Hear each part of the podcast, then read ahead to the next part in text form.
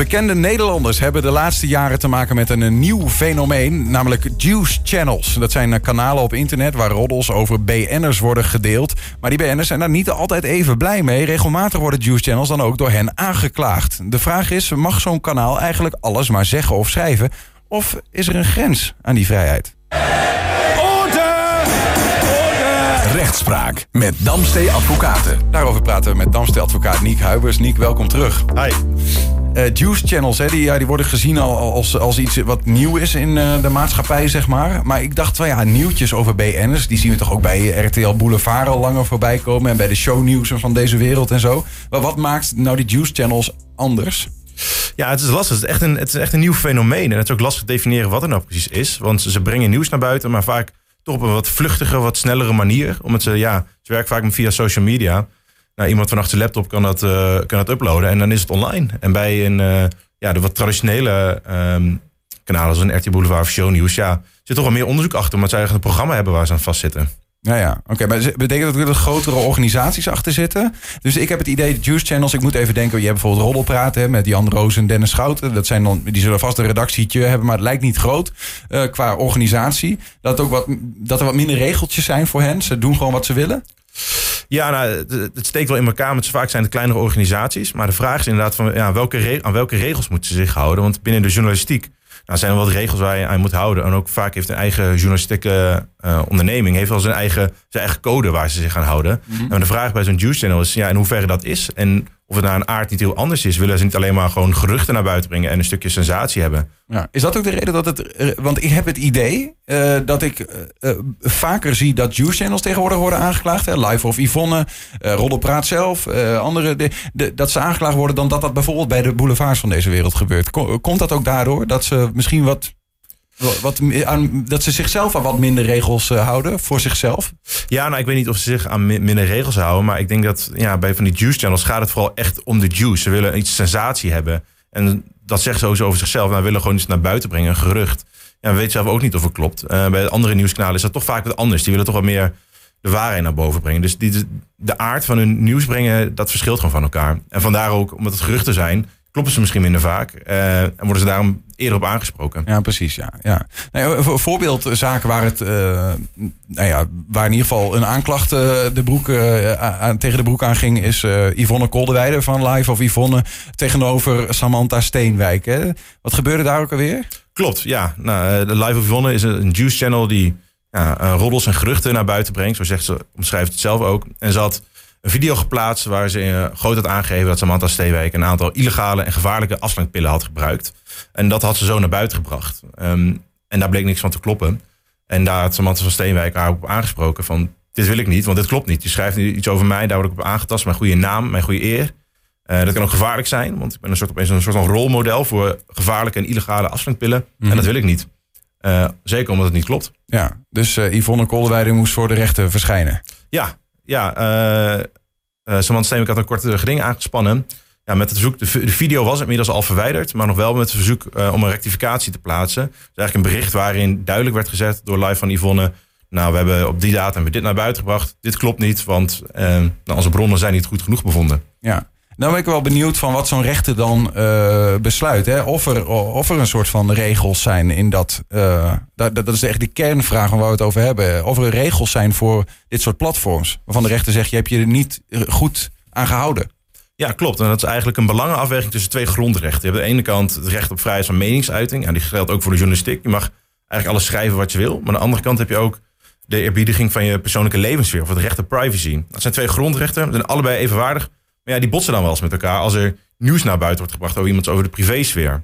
Maar goed, als dat niet mag worden gedaan, is dat ook weer een beperking erop. Ja, en de rechter gaat dan toetsen uh, wanneer dat wel mag. En in beginsel is dat alleen als zo'n publicatie onrechtmatig is. Uh, ja, de vraag is dan wanneer is iets onrechtmatig? Ja, dan, dan mag het niet. Ja, dan mag het niet. Ja, dan mag je niet naar buiten brengen.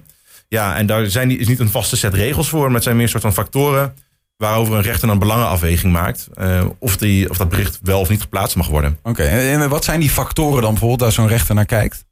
Nou, dat zijn er een aantal. En een van de belangrijkste is ook wel, nou, waar gaat het eigenlijk over? Wat is de misstand? Nou, in dit geval met, met roddels, wat is de misstand waar het om gaat? Nou, zoiets als uh, een MeToo of uh, een moord of geweld. En dat zijn natuurlijk hele heftige dingen. ja, de gevolgen daarvan, als dat niet klopt, die zijn heel erg groot. Dus dat, dat wordt meegewogen. Maar ook, Je bedoelt, dan is de valse aantijging Ja. is heel ernstig voor degene die die aantijging aan de broek krijgt. precies, ja. Dus eh, dat is een van de factoren die meespe- meespeelt. Eh, want als er over iets veel onschuldigers gaat, ja, dan kan ze recht kunnen denken van klopt misschien niet helemaal, maar ja, het is veel, meer, veel minder heftig. Eh, er wordt ook gekeken naar, naar de bronnen. Wie zijn, nou, niet per se wie de bronnen zijn, maar ja, hoe zijn die bronnen tot stand gekomen? Zijn die bronnen wel betrouwbaar? En ook de toon eh, en de overtuigingskracht waar nieuwsbericht mee wordt gebracht. Als dat heel overtuigend en heel stellig wordt gebracht, soms wel verwijtend, ja, dan moet je, er wel, dan moet je dat wel hard kunnen maken. Want als dat niet zo is, ja, dan moet je misschien meer op een vragende manier brengen. Nou, we hebben wat aanwijzingen gevonden dat er iets zou kunnen gebeurd zijn. Ja. Dat is wel heel anders dat je zegt, nou, persoon X heeft dit gedaan of Jantje heeft dat gedaan. De, ik, ik, hoor een, ik hoor een aantal dingen die je zegt. Hè? Dus van wat is nou het belang van het nieuws of hoe groot, hoe groot is de aantijging? Hè? En als die klopt, eh, dan is het misschien goed voor de maatschappij. Maar als die niet klopt, is het heel slecht voor degene die de aantijging aan de broek krijgt. Eh, eh, ze- hoeveel, ehm, hoeveel bronnen zijn er uit wie dit komt en hoe betrouwbaar zijn die? Ehm, en eh, bijvoorbeeld, eh, hoe, hoe hard breng je het? Hè? En hoe, of hoeveel nuance breng je aan als Ja. je die hardheid niet, als je niet weet hoe, hoe hard het nieuws is. Of hoe- als je niet precies weet of het waar is of niet. Ehm, maar zijn dat een soort van ongeschreven regels allemaal? Een soort van, of, of ligt daar, want je zei ook van ja, er ligt eigenlijk niet echt iets hard vast daarover in de wet. Nee, ja, het, zijn, het is dus een botsing van die twee grondrechten. En ja, die, die factoren die meewegen, die, die voor die belangenafweging van belang zijn, en die hebben zich eigenlijk in de, in de loop der, jaren ontwikkeld in de jurisprudentie, zowel Europese, maar ook Nederlandse. Ja, die zoeken dan, de rechten zoeken dan toch aanknopingspunten van wat moeten we meenemen om tot zo'n overweging te komen. Ja. Eh, en dan pak je dus eh, van, van alles eh, pak je ze daar mee. Maar het lijkt mij dus, als ik een juice channel heb, lijkt het mij dan vrij lastig om vooraf in te schatten. Stel, ik heb een roddel die ik de wereld in wil helpen. Om in te schatten van ja, mag dat nou? Of krijg ik straks een claim aan de broek en ben ik inderdaad het haasje als de rechter ernaar kijkt? Ja, dat is ook een lastige vraag. En een rechtbank verwacht ook niet dat je iets 100% kan bewijzen. Dat is sowieso heel lastig. Maar de recht gaat vanuit, ja, is het aannemelijk dat er echt aanwijzingen zijn dat het gebeurd is? Eh, en dat, maar speelt het ook weer mee van, ja, eh, hoe goed waren die bronnen? Of hoe betrouwbaar waren die bronnen? En hoe steek je dat dan in? Maar dat blijft een lastig spanningsveld van, ja, wanneer heb je genoeg bronnen en wanneer mag je iets naar buiten brengen? Ja. Eh, maar ja, hoe heftig het is, dan moet je wel met meer bewijzen kunnen komen. Want ja, de gevolgen kunnen gewoon heel groot zijn als het niet klopt. Want ja, de, op een gegeven moment als een stempel op je zit, dan is die lastig om je van af te krijgen. Wat is bijvoorbeeld hier in eh, de zaak van Samantha Steenwijk de uitspraak geweest dan? Eh, nou, uiteindelijk heeft de rechter besloten, eh Samantha had verzocht, nou, ik wil graag mijn bronnen bekend maakt. Nou, dat hoeft er niet gebeuren, want dat is wel echt een stap verder voordat de bronnen vrij moeten worden gegeven. Want dat is even, dat is een, eh, ook binnen de journalistiek natuurlijk een hele belangrijke eh, ehm, nou ja, regel. Dat bronnen die je aanvoert, dat je die in principe zelf zou moeten kennen, maar dat je die niet hoeft prijs te geven. Precies, om ja. ze te beschermen. Precies, ja. En dat, dat onderschrijft de rechtbank ook. Het is een, gewoon een groot goed, een groot goed binnen, de, binnen, de, ja, binnen de rechtsstaat. Dus dat, eh, dat hoeft niet.